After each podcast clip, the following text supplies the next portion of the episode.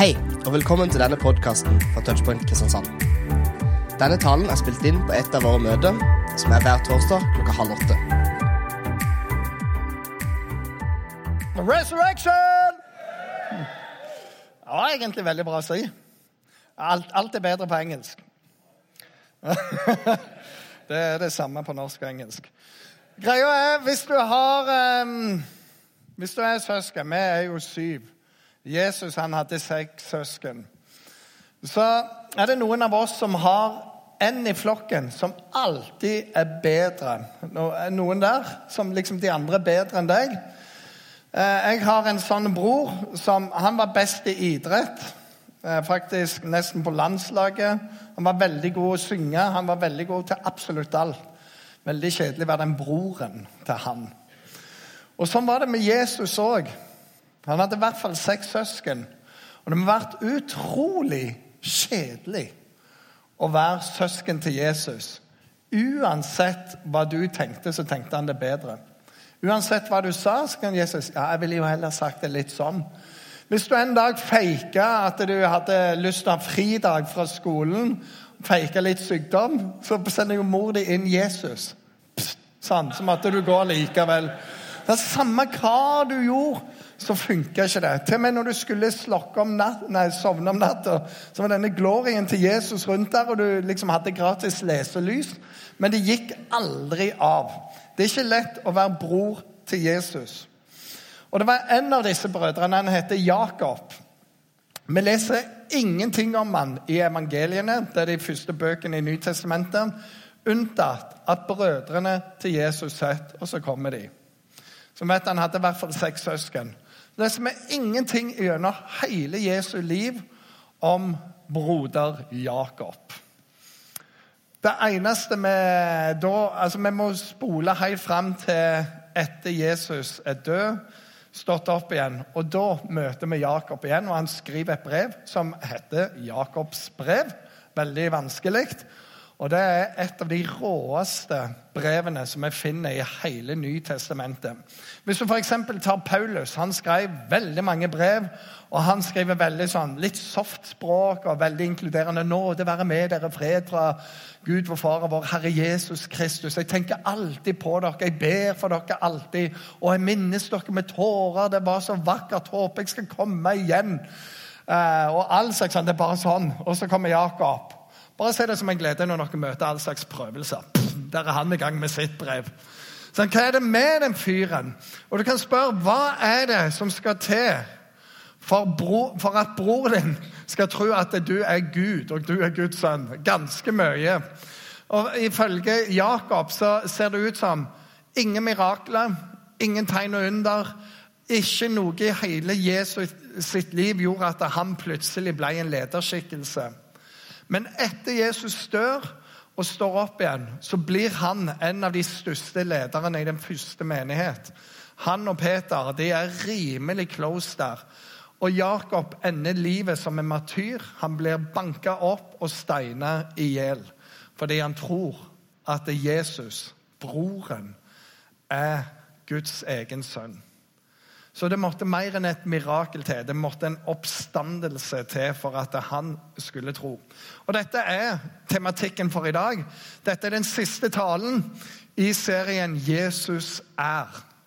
Og Vi ser på ulike tekster i Johannes evangelium. Syv plasser så sier Jesus 'Jeg er', og så kommer det opp. Og I dag så sier han 'Jeg er oppstandelsen og livet'. Og vi går inn, og I dag så er det ganske mye tekst, og så skal vi bare være litt i teksten. Det står dette i begynnelsen. En mann som het Lasarus, var blitt syk. Han var fra Betania, landsbyen der Maria og hennes søster Martha bodde. Det var eh, Maria som salvet Herre med fin salve og tørket føttene hans med håret sitt. Lasarus, som lå syk, var hennes bror. Søstrene sendte bud til Jesus og sa, 'Herre, han du er så glad i, har blitt syk. Da Jesus fikk høre det, sa han, denne sykdommen fører ikke til døden, men til Guds ære. For ved den skal Guds sønn bli herliggjort. Jesus var glad i Marte og hennes søster Lasarus. Veldig bra. Jesus sier denne sykdommen fører ikke til døden. Rett etterpå så dør han. Det er kjedelig, altså. Og han er død fire dager før Jesus kommer bort. sant? Og du kan bare sånn, Do. Eller kan det være Jesus mente noe annet med det? Og så står det Jesus var veldig glad i dem. Og Det er noe som kjennetegner Jesus hele tida. Han er så utrolig glad i folk, og folk er glad i han. Og hvem er denne rare flokken av Martha, Maria og Lasarus? Lasarus vet vi minst om. Martha hun var ei sånn der flink jente. Flink pike. Alltid så var det hun som stelte i stand, så til at alt var ryddig, rent, vasket opp, det var mat nok. Hvis de hadde, hvis de hadde overnattingsbesøk, så var eh, rommene på G. Alt var rent, pent og pyntelig med Martha. Hun strevde rundt for at alt skulle være perfekt. Jeg er gift med en sånn. Og På et tidspunkt så sier Jesus Martha, Martha, du gjør strev med all slags Det må jo være skikkelig! Og der er Maria, hun søster mi, hun gjør jo ingenting! Hun sitter jo bare der og ser på hele tida! Ingen av dere som er der i det hele tatt. Vi tar forbønn etterpå. Maria hun var jo litt annerledes. Det står en annen plass at eh, hun var ei dame som hadde levd et veldig syndefullt liv uten at uh, Bibelen sier mer om det. Men når det står du har levd et veldig syndefullt liv, så betyr det nok at hun har vært ute i all slags party. Hun har tatt alle de feil valgene, og hun hadde nok vært litt kjent for ei som ikke var vanskelig å be med på hva enn det skulle være. Og Det er derfor det står dette nokså tidlig, at det var hun som salva Jesus. Og denne flokken her, den betyr så mye for Jesus. Han er inderlig glad i dem. Det som skjer da med hun Maries, eh, det, det hun møter Jesus Jesus vekker opp Lasarus. Og så Seinere så kommer bare Maria inn en annen plass der Jesus sitter og spiser. Det vil si, på den tida så lå de og spiste. Og hun sitter seg helt ned med føttene til Jesus. Og så tar hun det står en kostbar krukke med nardussalve. Verdien av den olja, eller parfymen, er verdt en hel årslønn. Så vi snakker om parfyme til en 300 000-400 000. Prostituerte brukte sånn for å ta på seg for at folk skulle lukte. Det gikk forbi sånn mm, 'Der er det, ja. Det koster så mye.' Så når hun knuser den for Jesus sine føtter, så knuser hun all mulighet til inntekt på prostitusjon. I tillegg så kunne hun solgt det og hatt en god inntekt. Hun bare knuser det og bare salver Jesus. Og duften sprer seg over rommet. Og så sitter hun der nede og bare griner, og antageligvis i takknemlighet over den ekte kjærlighet som Jesus viser til hun, til søstera, til broren. Og har til og med vekket broren opp igjen. Den flokken elsker Jesus så mye. Han hadde de kjær. Og Jeg bare sier det fordi det er typisk Jesus. Det er så typisk Jesus. Han bryr seg, og han liker oss fordi vi er Martha, Martha. Maria hun har valgt en gode del, og Lasarus som han hadde kjær. Det er gjengen. Og Så går det en stund, herrene. Vi hopper fram noen vers, og står det videre i teksten. Da han hadde sagt dette, sa han til dem, det var venner, vår venn Lasarus er sovna. Men jeg går og vekker han. Da sa disiplene, og de pleier alltid å misforstå alt. Det er altså de nærmeste vennene til Jesus. Fantastisk å ha en sånn gjeng. Samme hva du sier, så forstår de ikke bedre av det du prøver å kommunisere med dem. Ok, Det var noen som kjente seg igjen. Var du den vennen, eller har du sånne Det er vanskelig. Ok. Herren, eh, Hvis han er sovna, så blir han jo frisk. hæ? Og Jesus han talt om hans død, men de trodde han hadde talt om vanlig søvn. Da sa Jesus rett ut, det eneste de forstår, Lasarus er død. Boom. OK, det er en annen story. Og så er det bare så bra. Og for deres skyld så er jeg glad for at eh, dere ikke var der, så dere kan tro. Men nå skal vi gå til han. Og gjengen er sånn All right. Og Thomas, han som blir kalt tvillingen, han har jo bare denne trosgaven av dimensjoner. Han sier til de andre vi går med han, så kan vi dø med han, for dette er bare Det er når du har verdens beste venner som tror på deg, som virkelig yeah! Hæ? Fordi Jesus var ikke oppstanden ennå, så de så litt i bruddstykke av Guds godhet. Og så er ikke Thomas en helt kan vi si, unormal type, den reaksjonen. Det var vekkelse på Vegårshei, og det fins ei bok som heter 'Det blåser på heia'. Og Det er verdens beste bok om vekkelsen på Vegårshei. Og vi spoler tilbake 100 år, og på Vegårshei så er det utrolig bra. Alt er traust, alle jobber, og det går så greit. Og Der ble det en vekkelse. For noen av de eh, viktigste familiene der kom eh, Guds kraft. og Folk ble frelst. Og de begynte å leve veldig annerledes. Så folk begynte å ta inn enker og de som hadde lite, inn på storgården. Lot de bo der, for de hadde lest i Bibelen om at du skulle inkludere, du skulle ta vare på enker og farløse barn og alt. Og det gjorde de. Helt praktisk. Og så En dag så er det han største av de alle, som er en av de mektigste. Han, han har hørt at det er en som er syk. Og så bare samler han gjengen på Vegårshei og så sier han, nå skal vi gå til han, og vi skal be. Og hele gjengen er bare sånn Vi tror ikke på det på Vegårshøy. Men de fikk ikke lov å snakke, og så står det Og glad var de for det, for de hadde ikke noe å snakke om. Og det er litt sånn som Thomas Vi går med, så dør vi med han. Dette kommer til å bli så pinlig. Skal be for en. Har vi sett noen bli helbreda? No way! Og Så går de inn i huset, og nærmest bare i dørstokken. Han går inn, legger hendene på, og så bare boom! Så reiser dette mennesket opp helt sånn. Da blir det en litt annen låt i denne gjengen her. All right, all right. Ja, Vi var med, vet du. Vi visste hele tida at Jesus kom til å gjøre det. Så han er en nokså vanlig pessimist.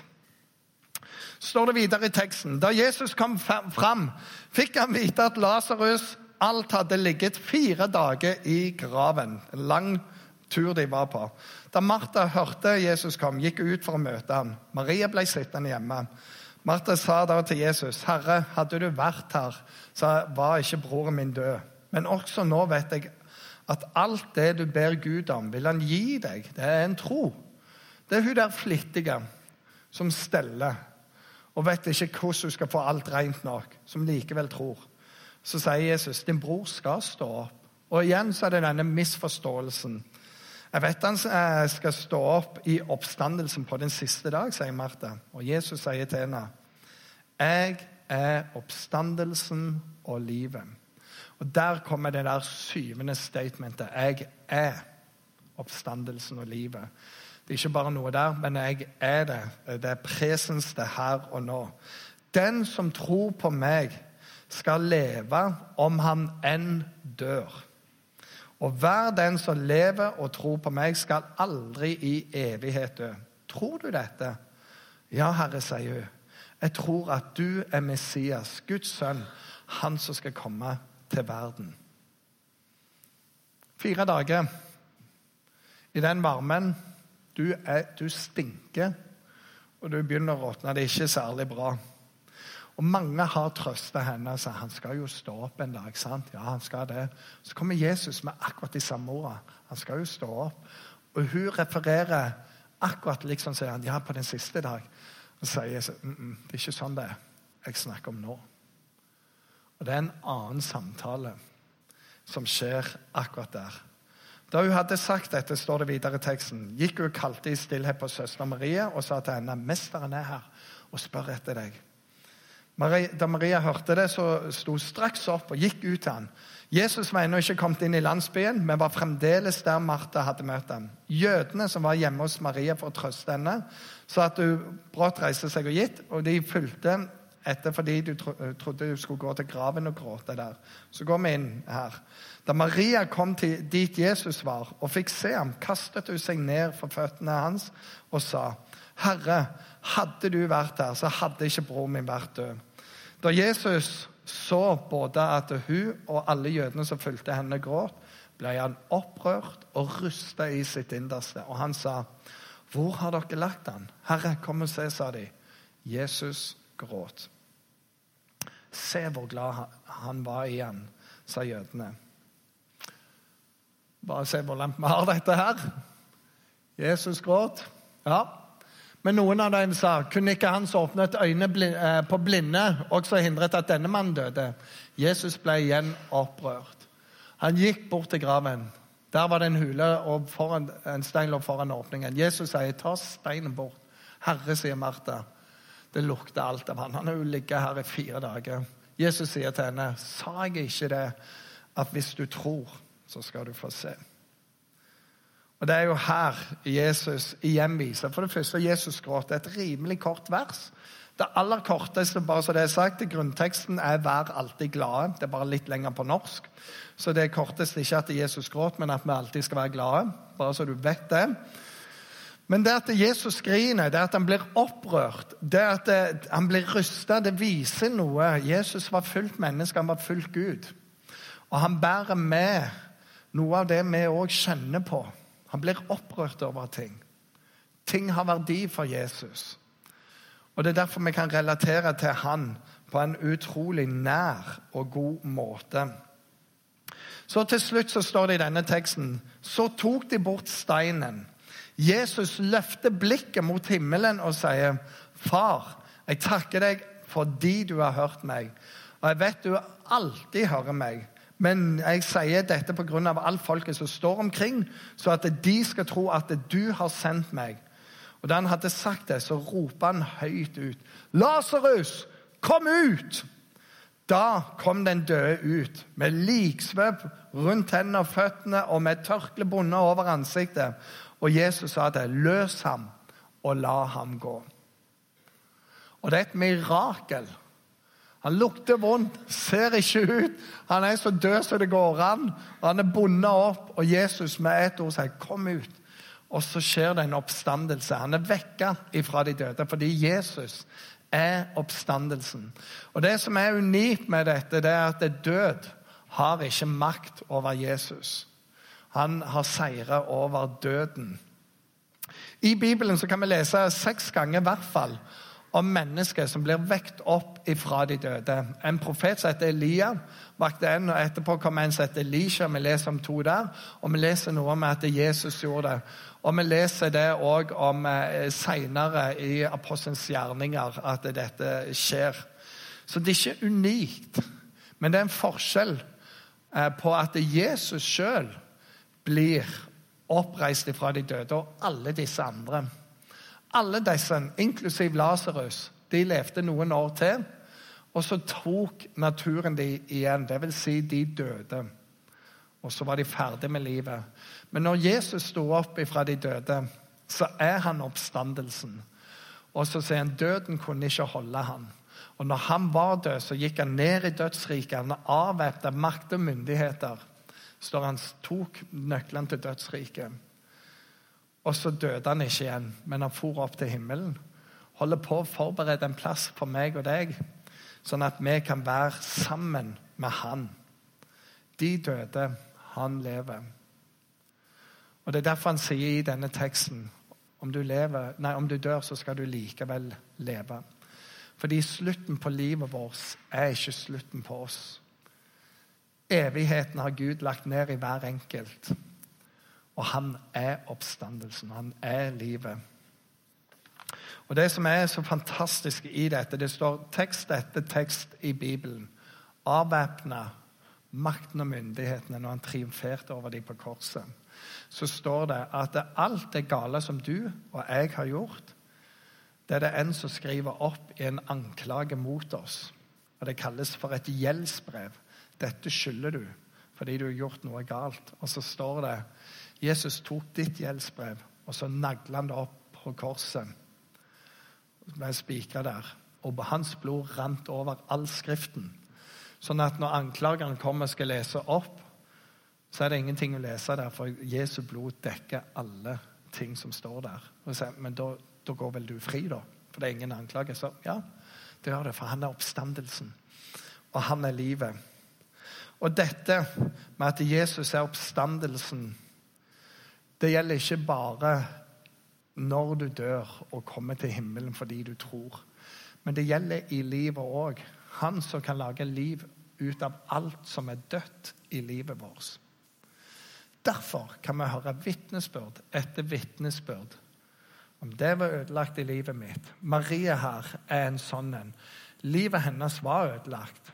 Hun var en synderinne. Hun var en som folk visste hvem var. Hun hadde et enormt dårlig navn på seg. Men så går Jesus inn, og så endrer han historien hennes. Og så står det til og med når folk kjefter på henne fordi hun tar denne nardussalven ut, så sier Jesus så må dere slutte å snakke sånn. Hun handler i tro. Og at det hun gjorde, det skal vitne om henne i resten av historien. Folk skal vitne bra om henne. Og det er jo det jeg har gjort i dag. Det er 2000 år seinere. Så Jesus er en ekspert på å snu alt det som er dødt i livet ditt, til noe som er levende. Fordi han er oppstandelsen. Og Det er derfor òg vi kan komme til Jesus, hva enn det måtte være i bønn. Så bare si, Herre, Herre Jesus, her er det. Og så legger vi det i hans hender. Døden kunne ikke holde han, fordi han er oppstandelsen og livet. Også med frimodighet. Det å vite at slutten på livet er ikke slutten på deg. Det gjør at du har noe å leve for. Livet har en større mening. Og en dag så skal vi få lov å være med Han. Der Han er, der alt er godt. Så Gjennom denne serien så har vi sett på disse syv forskjellige sidene av Jesus. Han sier 'Jeg er døren'. Hva betyr det? Ok, Du er ei dør. Mm, weird. Disiplene forsto ingenting av det, men de gjorde det likevel. For det sier 'Jeg er den du må gå igjennom for å finne liv og for å finne beskyttelse'. Hver den som går igjennom meg, han skal bli frelst. Og det, er, det er kun meg du må gå igjennom. Det fins en tyv. Han hopper overalt. men Han kommer for å stjele, myrde og ødelegge. Men jeg er kommet for at du skal ha liv, og liv i overflod. Så går han videre rett etterpå, og så sier han, 'Jeg er den gode hyrde'.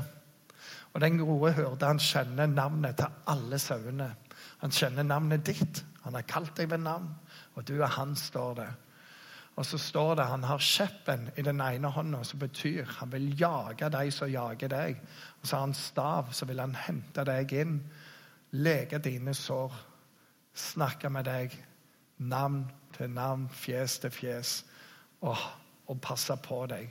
For han er den gode hyrden. Sist gang fikk dere høre at Jesus er veien, sannheten og livet. Det fins mange veier til Jesus, men Jesus er den eneste veien til Gud. Det fins mange teorier, men Jesus er sannheten, og vi finner hans ord er sant. Og det står til og med sannheten skal sette oss fri. Og det får vi òg erfare og han er livet. Han, og det står han har kommet for å gi oss liv, og liv i overflod. Og Det er bare helt fantastisk. Det betyr at det av og til så er sånn livet med Jesus at det, bare, det, det er for mye inni der. Det bare veller over. Liv i overflod. Og så har han disse syv forskjellige som sier 'Jeg er'. Alt dette er Jesus. Og vi har sagt det før. Hvor enn du måtte være i søking etter svar, finne ut hvem er grunnleggeren. Hvordan levde grunnleggeren livet sitt? Hva er, hva er sporene etter grunnleggeren? Og sporene etter Jesus er helt enorme. Det har forandret hele verden. Det har gjort at menneskeverdet har forandret seg. En setter ikke ut barn for at de skal dø. En har ikke et sorteringssamfunn fordi alle mennesker er verdifulle for Gud. En verner om livet. En bryr seg. En bygger opp. En er god mot andre. Elsker sin neste. Hele Jesu budskap er så radikalt, annerledes, godt at hvor enn det får lov å slå rot, så blomstrer samfunnene. Og mennesket får det bedre. For Jesus er, og han er fortsatt det. Og Det er jo med den frimodige tilliten at vi tror på han, og vi følger han, og vi får erfare dette. At Jesus kan vekke til live døde ting inni meg. Der jeg tenkte dette er slutt, dette får jeg aldri. Så plutselig så er Jesus der. Så vår bønn er den enkle. Våg å legge hele livet ditt i Jesu hender. Våg å stole på ham. Det er annerledes, det er motkulturelt, men det har noen frykter som er vel verdt å, å betale den prisen for. Herre Jesus, jeg takker deg for det, at du er oppstandelsen og livet. Jeg takker deg, Jesus, for at uh, livet med deg det fører oss hjem til himmelen. Og Så takker jeg deg òg for at uh, denne oppstandelsen den gjaldt deg sjøl. Døden kunne ikke holde deg. Du viste eksempelet med Lasarus, at du bare vekker han opp til liv igjen. Og du viser det med andre. Og kirkehistorien er full av sånne eksempler. At det døde har kommet til liv. Men mest av alt så er det at slutten på livet er ikke slutten på oss. Og for oss som tror på deg, når vi en dag trekker vår siste sukk her nede, så vet vi at neste gang vi åpner øynene, så er vi hjemme hos deg i himmelen. Hvor det er så godt at det går ikke an å beskrive hvor godt det er. Vi må si det er ikke sykdom der, det er ikke død der. Det er ingenting vondt der. Du er der, og din vilje skjer fullt ut. Og Samtidig så takker jeg deg for at du kan vekke døde ting i våre liv til live igjen. Det som jeg trodde det var over med, håpet var ute. Der kan du gå inn, føde nytt liv. Så hjelp oss, Herre, med all vår mangelfullhet, med all vår lengsel, med all vår sorg, å komme til deg med alle ting i bønn. Du har lovt oss at din fred skal bevare våre hjerter og våre tanker i deg hvis vi gjør det. Og så takker jeg deg for at når vi gjør det, så vet vi at du er oppstandelsen og livet. Amen.